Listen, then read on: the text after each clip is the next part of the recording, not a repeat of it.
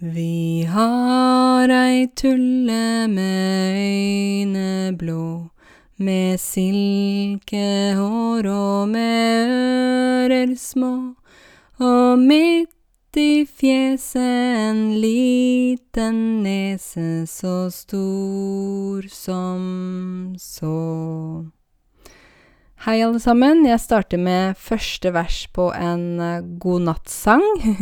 Når jeg lager denne podkasten nå, så er det jo kveld, og jeg sang første vers av en barnesang, det hørte dere sikkert.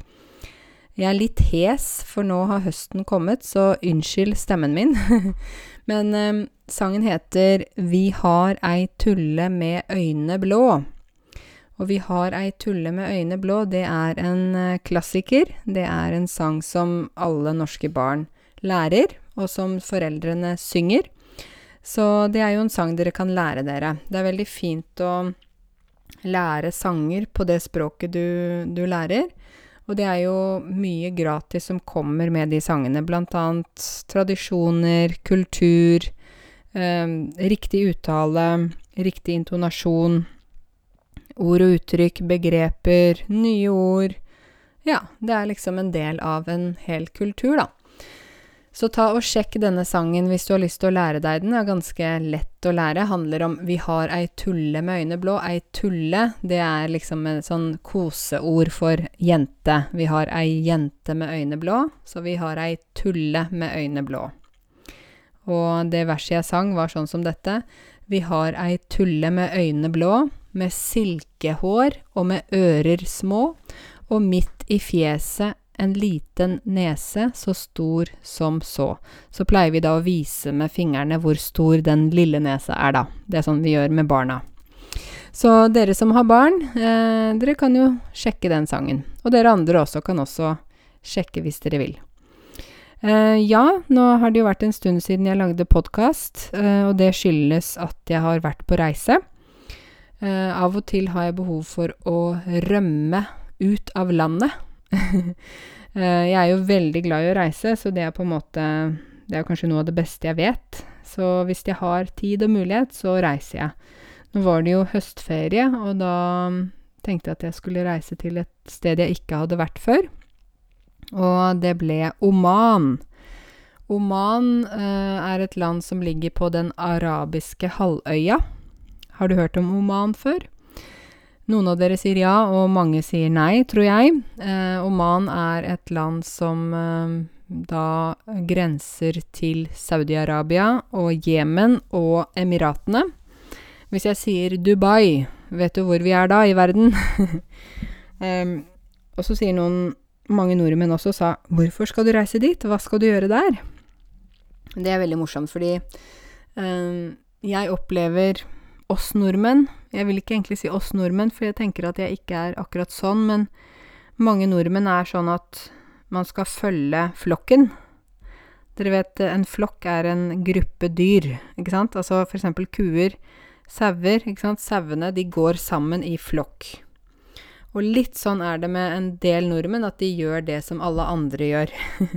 Så hvis man velger å ikke følge flokken Vi sier faktisk det, det er ikke tull det jeg sier nå, vi sier flokk. Hvis man ikke følger flokken, så blir det rart. Da blir det annerledes.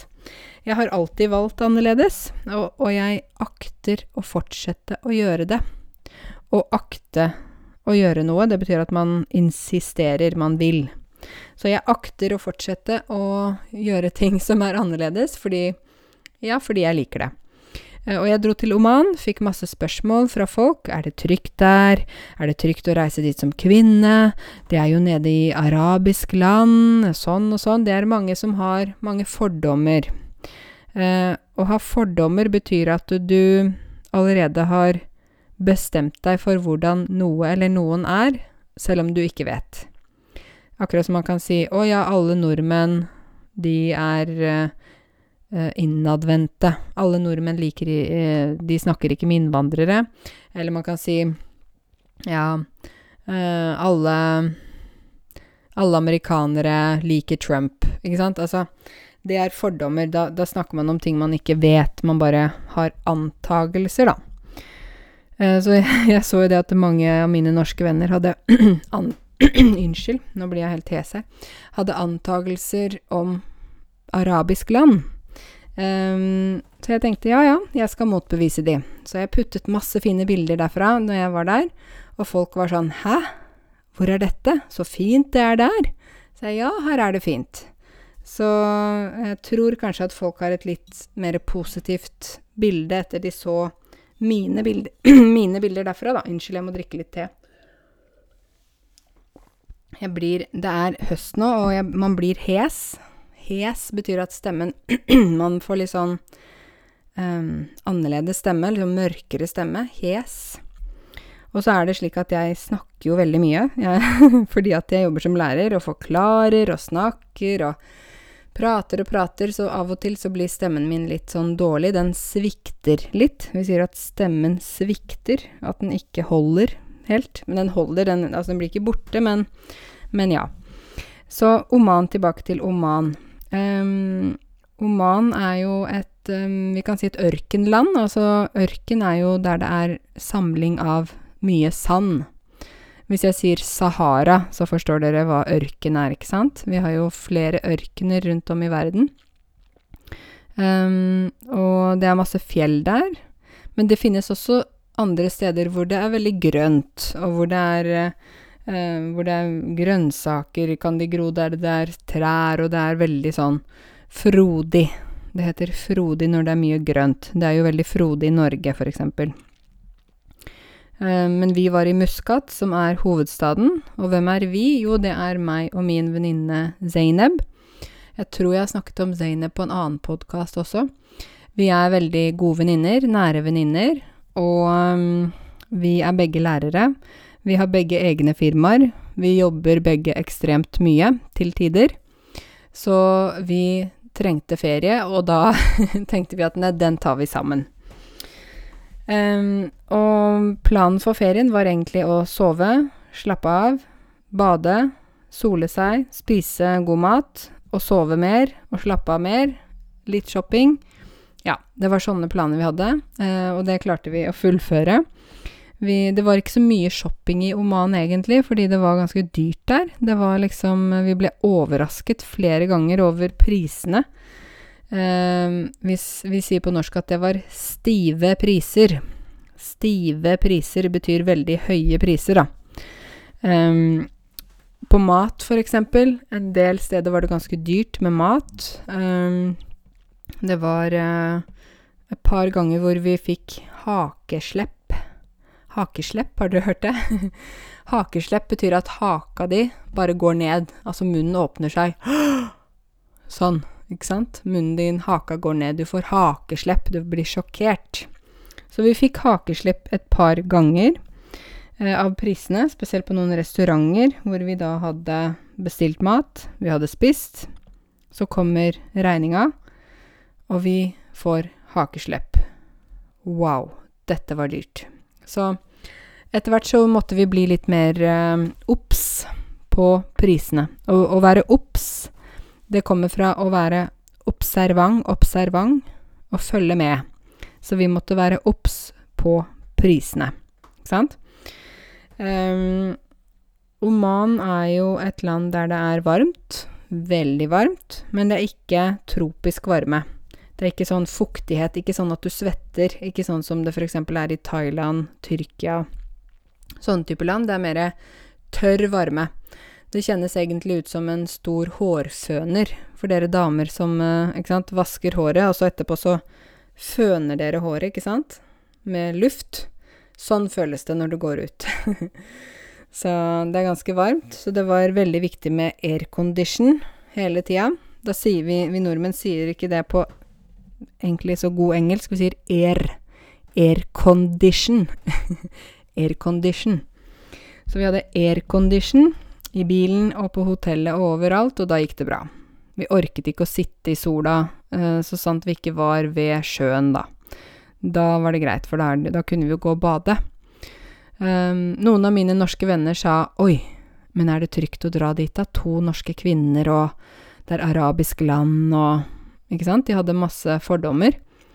Og jeg er egentlig aldri redd når jeg reiser. Jeg har reist såpass mye, og jeg tar øh, eh, Jeg på en måte tenker jo hvor jeg går og sånne ting, men jeg er aldri redd for å reise. Jeg syns stort sett at jeg alltid møter hyggelige mennesker, og mennesker som vil meg vel. At noen vil deg vel, det betyr at de bryr seg om deg, eller at de vil at du skal ha det bra. Så i Oman møtte vi også veldig mange mennesker som ville oss vel. Jeg må jo repetere litt. De ville oss vel.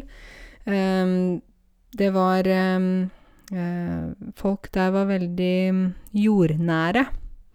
Å være jordnær betyr at du er Du er liksom Du har beina på bakken, sier vi. Beina Du har kontakt med virkeligheten, kontakt med realiteten. Du går ikke rundt og flyr der oppe i skyene. Du er liksom Du er realistisk, da.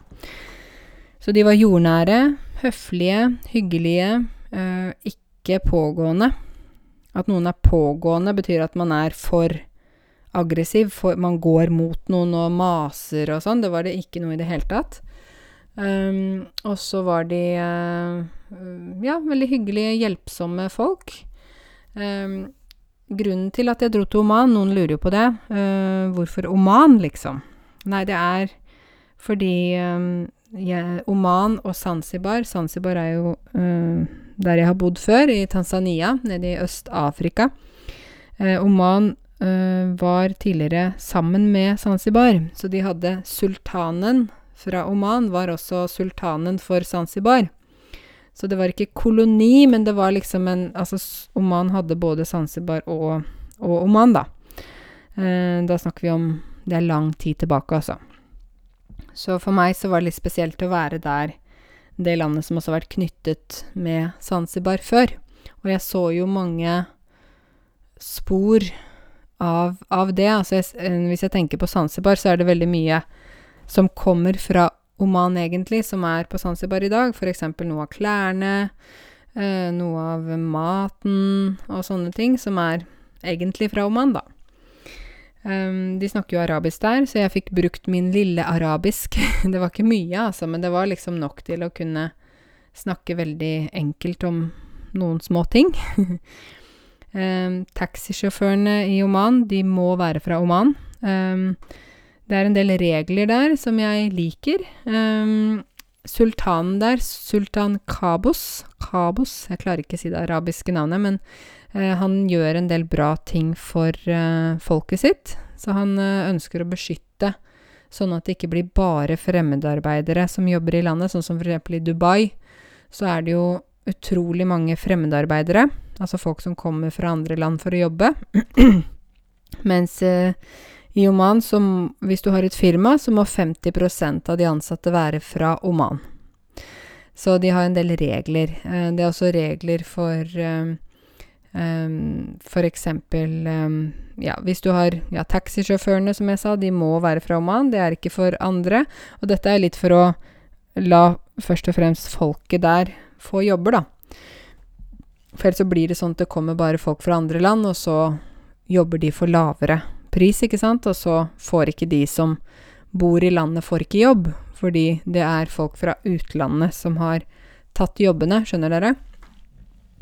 Eh, det er også sånn at de har Jeg tenkte faktisk å, Norge har så bra utdanningssystem og sånn. Eh, ja, vi har jo det, og vi har bra ordninger, og vi har Lånekassa. Det har jeg snakket om i en annen podkast. Jeg snakket om utdanningssystemet i Norge. Men um, de har jo et um, sånn opplegg som gjør at uh, for eksempel hvis jeg, da, hvis jeg tar mastergrad, jeg, hvis jeg kommer fra Oman og jeg tar mastergrad, så er det sånn at hvis jeg får barn, La oss si jeg får to sønner, da. Da får de sønnene, eller de barna, får eh, ti år eh, som de kan studere i utlandet. De får alt betalt av staten. De får skolepenger, bøker. Eh, de får kost og losji. Kost betyr mat, losji betyr bo, altså bolig. Eh, så de har ti år som de kan bo i utlandet, og i løpet av de ti årene så skal de fullføre en mastergrad. De kan jo da f.eks. flytte til London, ta tre år bachelorgrad, jobbe i noen år, og så ta to år mastergrad, enten i England eller i et annet land. Og alt er betalt av staten. Så de får ikke noe studentlån når de er ferdig der. De, de får det Eh, det syns jeg var jo helt utrolig. En annen ting jeg hørte der, var jo at når man blir 18 år, så får man eh, land. Altså man får en eiendom av staten. Man får liksom 'Her, vær så god, dette er eh, din eiendom'. Fordi du kommer fra Oman, og da vil vi gi noe til deg. Som, som fra, fra Altså stat til innbygger, da. Og jeg syns jo det var helt utrolig at man bare skal OK, du blir 18 år, og så vær så god, dette er ditt land. Ikke sant? Um, så når man reiser, så får man jo ny informasjon, man lærer mer. Jeg føler at det er så mye jeg ikke vet. Så Men jeg vet nok mer enn veldig mange når det gjelder innvandrere, altså folk fra andre land, andre kulturer osv. Det tror jeg at jeg vet mer enn en del folk, fordi at jeg har reist, fordi at jeg jobber med folk fra forskjellige land hver eneste dag, ikke sant, og da må man jo nødvendigvis lære noe av de menneskene. Um, så, men jeg elsker å reise, så det er liksom det beste. Det beste, beste jeg kan gjøre. Og så, så skrev jeg på Facebook-gruppen min, da. Uh, hei, alle sammen. Hva ønsker dere at jeg skal snakke om i min podkast? Og da har jeg fått masse forslag, og jeg skal gå gjennom det og ta det litt sånn uh, steg for steg. Jeg kan jo ikke snakke om alle de temaene i én episode. Det må jo deles opp.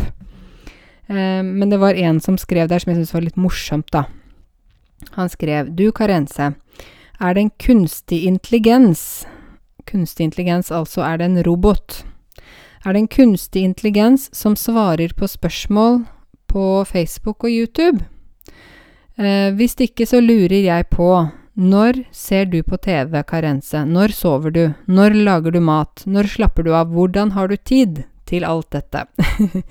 og jeg syns jo det var veldig morsomt, da, for det um, Svaret på spørsmålet er nei, det er ikke noe robot, eller det er ingen kunstig intelligens som svarer på spørsmål jeg får fra dere. Det er meg. Um, men jeg svarer når jeg vil, og når jeg har tid. Fordi dette er jo noe jeg gjør frivillig, ikke sant. Så det er liksom det Jeg kan ikke sitte der som en sånn der slags eh, person som bare er tilgjengelig 24 timer i døgnet, men jeg tar det når jeg uh, har tid, og når jeg vil. Og jeg pleier å svare på spørsmål på YouTube. Eller pleier å, hvis noen spør å, kan du lage en video om dette eller dette, så skriver jeg det opp, slik at jeg kan lage en video om, om det, hvis det ikke allerede finnes. Um, og grunnen til at jeg gjør alt dette her, og har tid til dette her, er jo, jeg vil jo si kanskje først og fremst fordi jeg ikke har barn akkurat nå. Altså hadde jeg hatt barn, så hadde jeg jo ikke hatt tid til å drive med alt dette her. Eh, så hvis jeg får barn en dag, da blir jeg jo mer opptatt, selvfølgelig. Men eh, det er også fordi at jeg i alle år har eh, Jeg er vant til å jobbe hardt. Jeg er vant til å jobbe mye. Jeg har hatt tre, tre til fire jobber samtidig eh, i mange år, kanskje siden jeg var 17-18 år. Så det er veldig vanlig for meg å jobbe mye. Eh, men så er det også sånn at jeg liker det jeg gjør, så det føles ikke som at jeg jobber. Det er mer sånn hyggelig, da. Det, jeg syns det er gøy. Og så syns jeg det er jo så Det er et kompliment at dere på en måte vil lære mitt språk, norsk. Og da Jeg som er så glad i språk, syns jo det er gøy å hjelpe de som er interessert i å lære, på en måte, da. Så ja. det er ingen robot som svarer på spørsmål. Jeg fikk spørsmål om eh, Kan du snakke litt om priser, altså sammenligning eh, norske priser med andre land? Eh, og ja, det kan jeg gjøre. Jeg kan jo ikke snakke om alle priser i alle land. Det går ikke. Men jeg kan jo si noe generelt. Noen av dere sier generelt. Det er feil. Det er skje generelt. Hvis jeg skal si noe generelt om norske priser, da vil jeg si at uh, det er dyrt i Norge. Nummer én, det er dyrt. Det vet dere alle sammen.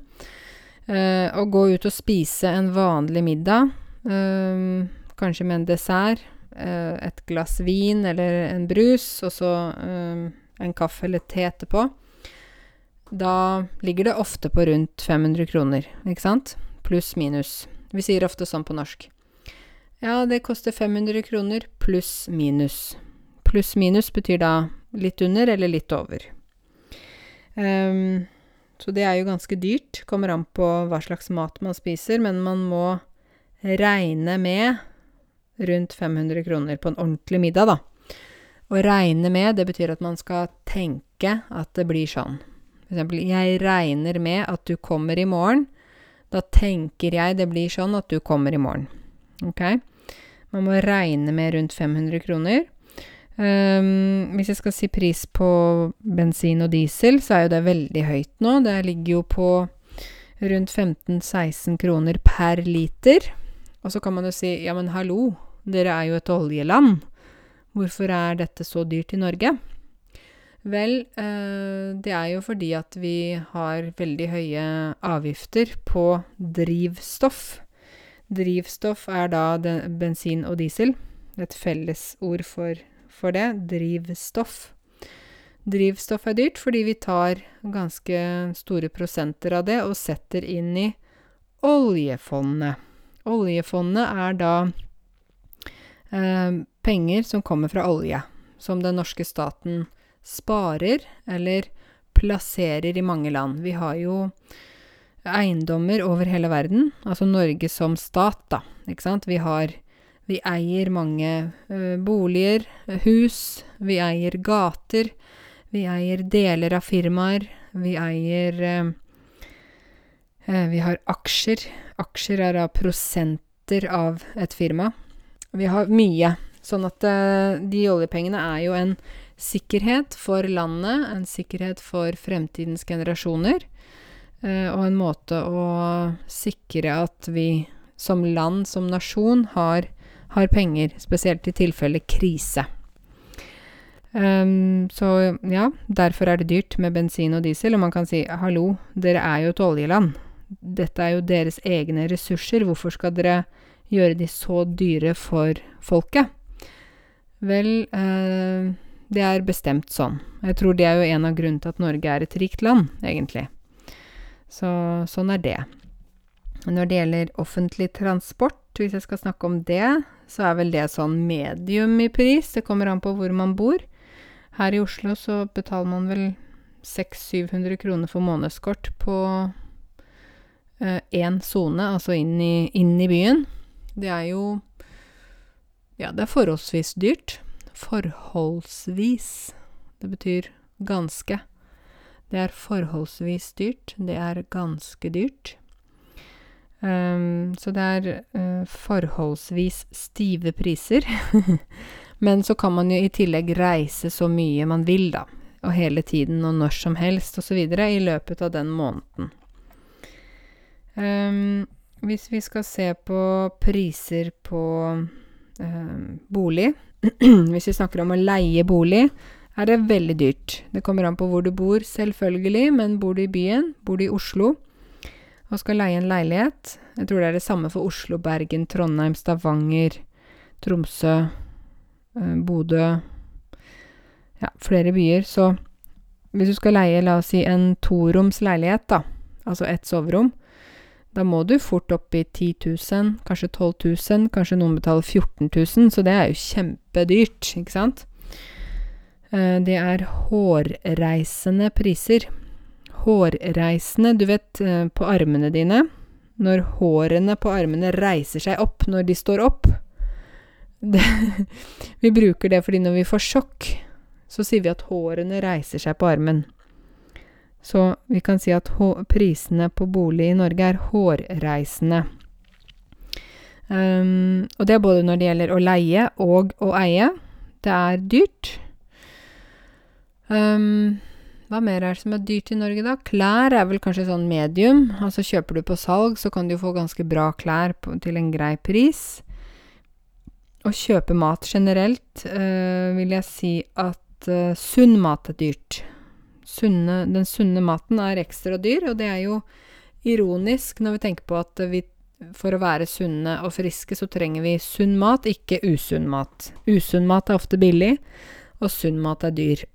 altså grønnsaker, um, lettprodukter, uh, grovt brød, ikke sant. Sånne ting er dyrt. Men nå er det jo noen butikker som kutter litt moms og sånn. Jeg vet Kiwi og sånn, de kutter vel en del moms på grønnsaker, så de Moms, hva betyr det?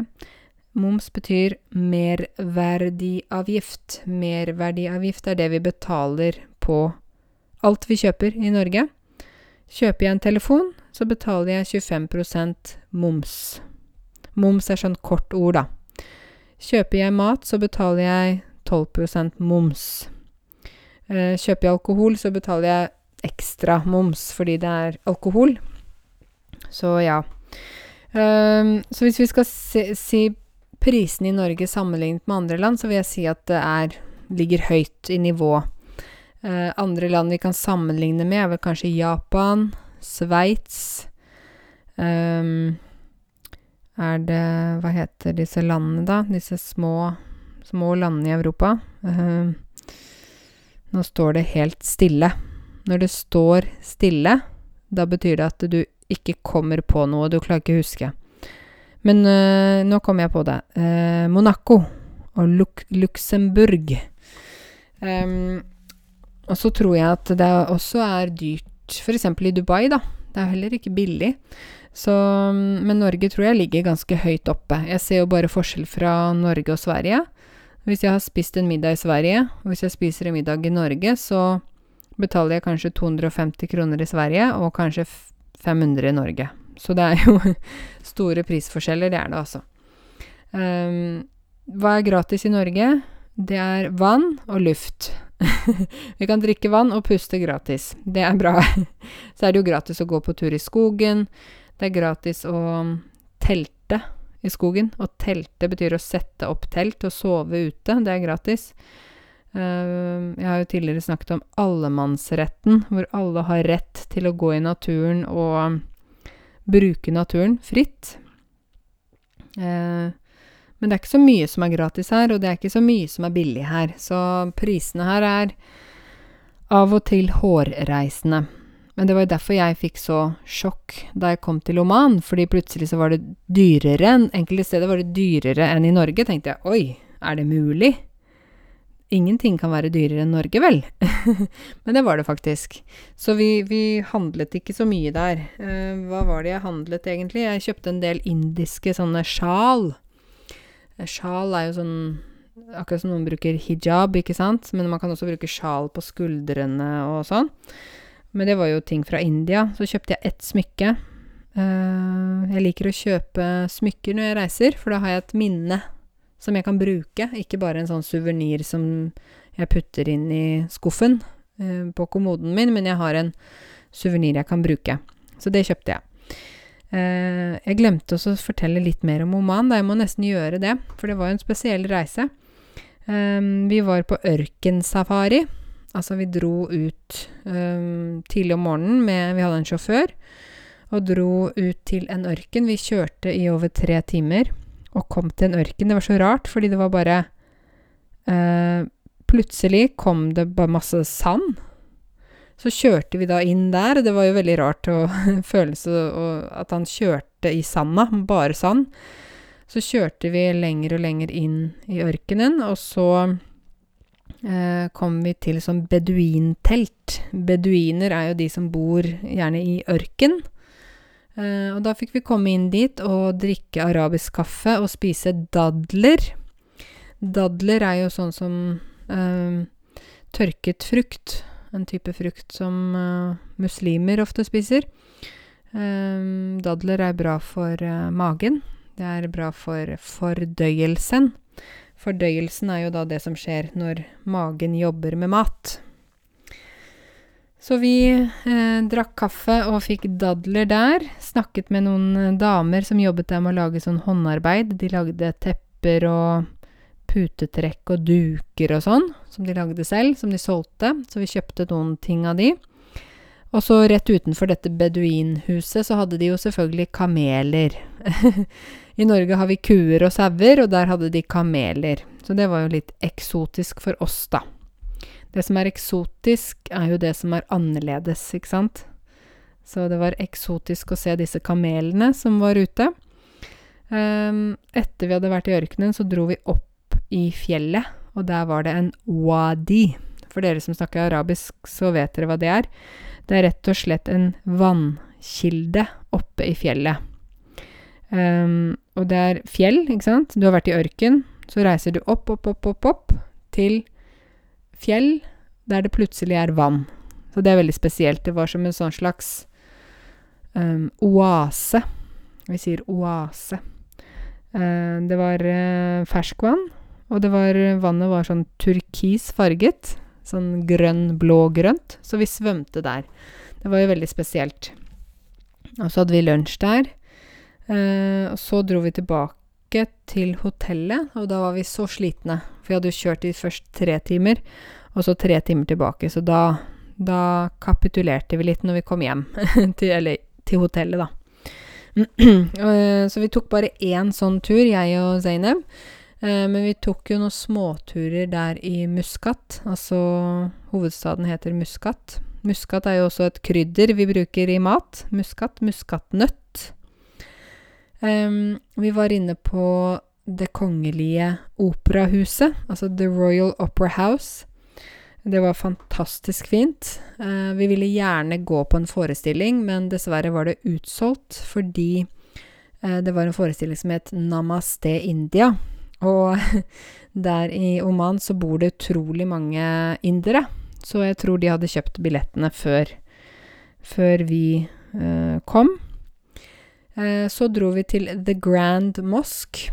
Eh, det betyr Den store moskeen. Det var jo en enorm moské. Enorm bruker vi istedenfor stor når noe er veldig stort. Så den moskeen var enorm. Uh, før vi gikk inn dit, så visste vi på forhånd at vi måtte ha på oss hijab. Vi måtte ha på oss um, abaya, eller sånn type kjole, sånn lang kjole. så vi fikk på oss det uh, der ute. Uh, og det var jo laget av polyester, dette, disse klærne, så det var jo helt grusomt varmt med 35 grader og polyesterklær. Det er en dårlig kombinasjon. Men når vi kom inn i moskeen, så var det jo aircondition der. Vi nordmenn, vi sier jo air, aircondition. Det er en veldig sånn norsk måte å si det på. Vi hadde aircondition der, um, og det var helt utrolig Det var helt fantastisk der inne i den moskeen. Det var en Midt i rommet var det en stor, eller en enorm, eller en gigantisk lysekrone. Lysekrone, dere, det er en sånn lampe med krystaller. Skjønner dere hva jeg mener da? Sånn veldig fin lampe som henger i taket. Chandelier, sier man på engelsk. Uh, og den var enorm og veldig fin. Og så hadde de veldig flotte tepper på gulvet. Så hadde de veldig mye fin mosaikk rundt på veggene. Mosaikk, sånne fliser. Uh, og jeg måtte jo ta bilder, da. Jeg tok jo bilder med meg selv og med Zainab og Ikke sant? Det jeg så jo veldig annerledes ut når jeg plutselig hadde på meg hijab, for jeg pleier alltid å gå med håret løst. Jeg er sånn langt hår-jente. Altså, jeg må ha langt hår. Jeg klarer ikke å ha kort hår. Jeg har aldri hatt det. Bare når jeg var baby. Eh, så det var rart å ha på seg hijab, men samtidig så syns jeg det er veldig viktig å vise respekt for der man er, da. Og dette var jo et hellig sted, ikke sant? Hellig betyr noe som er ja, i religioner så har man jo ting som er hellig, noe som er veldig spesielt, som man må passe på. Hvis jeg kan si at Koranen er hellig for muslimer, Bibelen er hellig for de kristne, ikke sant? Det er sånne ting som er veldig spesielt. Så vi hadde da på oss dette her, vi tok bilder, og Nei, det var veldig fint. Det var veldig varmt, men eh, det var fantastisk vakkert. Jeg vil anbefale alle å dra til The Grand Mosque hvis dere noen gang reiser til Oman, da. Eh, så var vi på Nasjonalmuseet. Vi måtte jo det. Se på litt sånn gamle uh, ting og tang fra historien til Oman. Det var spennende. Det er jo en gammel sivilisasjon der. Så mm, de har jo lang historie fra lang tid tilbake, og de har også mange spor etter folk som har bodd der før. Spor betyr jo eh, tegn, da, eller at man kan finne noe i jorda, f.eks. gamle ting, som er da etter folk som bodde der før. Um, vi uh, dro også og fikk oss henda. Henda-tatovering. Det er ikke tatovering, men uh, ja. Jeg vet ikke om noen av dere har sett de siste videoene mine, men det, der har jeg denne henda-tatovering på hendene mine, da. Og hva sa min mamma når jeg kom hjem? Jeg, jeg hadde jo Bahia, var jo hos min mamma. mange lurer på hva som skjer med Bahia når jeg reiser, og da er det min mamma som passer henne. Min mamma er jo Bahias mormor, på en måte. og når jeg kom hjem da fra Oman og skulle hente Bahia, så sa min mamma Karense, hva er dette? Er det tatovering? Går det bort? Jeg sa mamma, slapp av, dette er henda-tatovering, det går bort etter to uker. Hun sa oi, nå trodde jeg du hadde tatt permanent tatovering. jeg sa nei, vet du hva, det har jeg ikke gjort.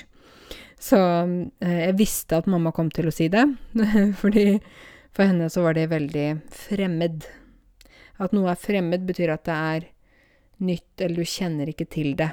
Ikke sant? For eksempel vi sier fremmedspråklige, det er de som ikke snakker det språket du snakker.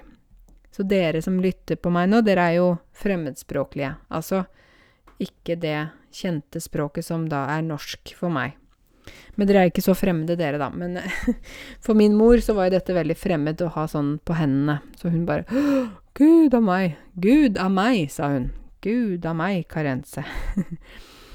Men uh, jeg fikk roet henne ned, da. Så nå gikk det greit. Um, og ellers, hva gjorde vi i Oman? Jeg tror det var bare svømming, soving, bading, spising. Det var ikke noe veldig mye mer enn det. Vi, det er ganske stille land, rolig land, fredfullt land. Så det, var, det er ikke sånn diskoteker og utesteder og sånn. Det er mer sånn rolig, da. Så det er veldig fint sted å dra hvis man vil slappe av, egentlig. Um, ja. Så Oman anbefaler jeg absolutt. Veldig flott sted, men litt dyrt. Eh, på det der Facebook-siden min så kom jo dere med flere ønsker da, om hva jeg skal snakke om. Um, og en av de temaene, et av de temaene var da 'Hvordan bli kjent med nordmenn'. Det er jo en Ja, vi kan si det er en tilbakevendende sak. Noe som er tilbakevendende, det betyr at det kommer tilbake hele tiden vi kan si et tilbakevendende problem, en tilbakevendende sak osv. Um, ehm, og dette er en tilbakevendende sak. Hvordan kan jeg bli kjent med nordmenn? Da må jeg si uh, ja, mange nordmenn er reserverte. Ja, mange nordmenn snakker ikke med fremmede, altså de de ikke kjenner. Men uh, nordmenn er veldig glad i frivillighet. Ok? Så det, jeg så en sånn artikkel om at ca. 67% av alle nordmenn er med på noe frivillig organisasjon på et eller annet plan. Um, så for eksempel de, de, jobber frivillig for Røde Kors. De jobber frivillig for Frelsesarmeen, for Flyktninghjelpen, for uh, Kirkens Nødhjelp, for Frivillighetssentralen, for jeg vet ikke hva. Der er det en arena hvor du kan møte nordmenn. Hvis du melder deg f.eks. som frivillig på Røde Kors eh, Du kan være f.eks. besøksvenn. Å være besøksvenn betyr at du er en person som kommer hjem til et menneske som er ensomt. F.eks. en gammel dame eller en gammel mann som ikke har så mye familie. Så kan du være deres besøksvenn. Det har jeg tidligere tipset eller fortalt andre studenter.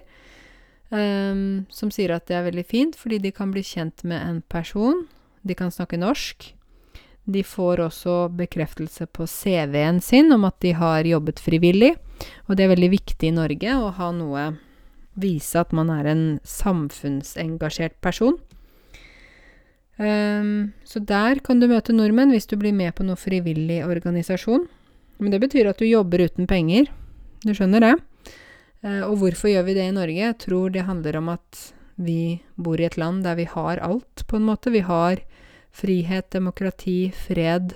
Vi har uh, fin natur. Vi har uh, et system som fungerer, så vi liker å gi noe tilbake til de som trenger det ekstra. Så det er frivillige organisasjoner. Ellers eh, andre arenaer. Det er ikke sånn at du kan gå ut på gata og si 'Hei, jeg vil få en norsk venn'. Kan jeg få en norsk venn? Hallo? Nei. Det fungerer ikke sånn. Eh, du må være med på organiserte aktiviteter. Sånn er det med nordmenn. Ok? Organiserte aktiviteter, det betyr da at du f.eks. er med på noe sport.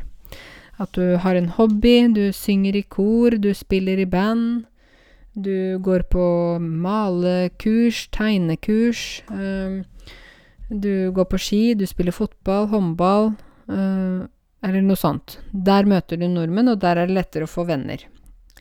Eh, så dessverre er det sånn at nordmenn på en måte må ha en organisert plattform der de kan møtes.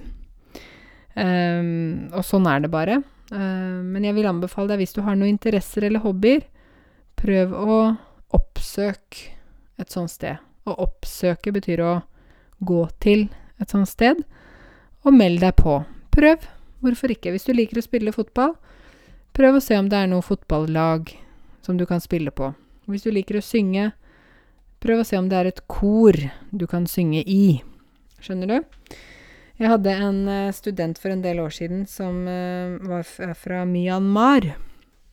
Myanmar, uh, eller Burma, som mange av dere kanskje kjenner det som, ligger i Asia.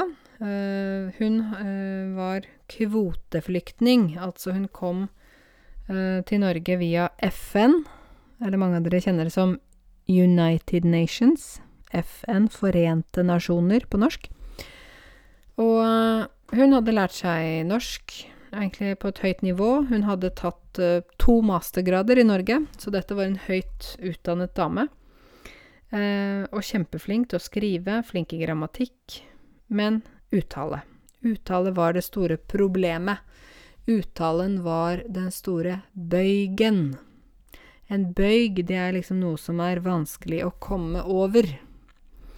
Så bøygen var da uttale, og da sa jeg til henne du må begynne å synge. Hun sa ja, men jeg kan ikke synge, jeg har ikke noe fin stemme. Jeg sa syng med den stemmen du har. Hun sa men Karense, hvordan skal jeg gjøre dette? Og da sa jeg jeg anbefaler deg å begynne i kor. Hun sa kor, jeg har aldri sunget i kor. Men hun øh, oppsøkte Altså oppsøke betyr å gå til. Hun oppsøkte noen kor i øh, Oslo, og fikk øh, plass i et kor, damekor. Og der var det damer på hennes alder. De likte å synge, de likte å være sosiale. Og hun er i dag Dette er mange år siden, er eh, seks-syv år siden. Hun er fortsatt medlem i koret. Og de reiser på turneer, de reiser rundt i Norge, de har konserter, og hun har fått gode venner via koret. Så det er et eksempel på hvordan man gjennom en organisert aktivitet kan bli kjent med nordmenn. Så jeg vil anbefale dere å prøve å få dere en hobby, eller gjør noe frivillig. Uh, selv om noen tenker ah, ja, men jeg vil ikke jobbe gratis. Nei, tenk på det som en investering, ikke sant? Uh, en investering betyr at det er noe du velger å bruke tid på, eller eventuelt penger på, for at du skal få noe annet. Så hvis du bruker tid på in å investere i frivillighet i Norge, så vil du få mye tilbake. Du vil få attest på at du har vært frivillig i Norge. Det er viktig når man er på jobbintervju, søker jobber. Du vil få erfaring fra noe aktivitet. Du vil få kontakt med nordmenn. Du kan få nye venner. Du vil uh, lære mye, så det er egentlig bare en vinn-vinn-situasjon. Så dere, da med det så takker jeg for meg, og så får dere bare fortsette å skrive på gruppa hva dere ønsker at jeg skal snakke om i podkasten, så kan det hende at ditt tema kommer opp her. Det får vi se. Men nå er jeg såpass hes i stemmen min at nå må jeg jammen meg bare stoppe. Uansett, jeg ønsker deg en fin uh, uke videre, og så høres vi, snakkes vi. Ok? Ha det godt.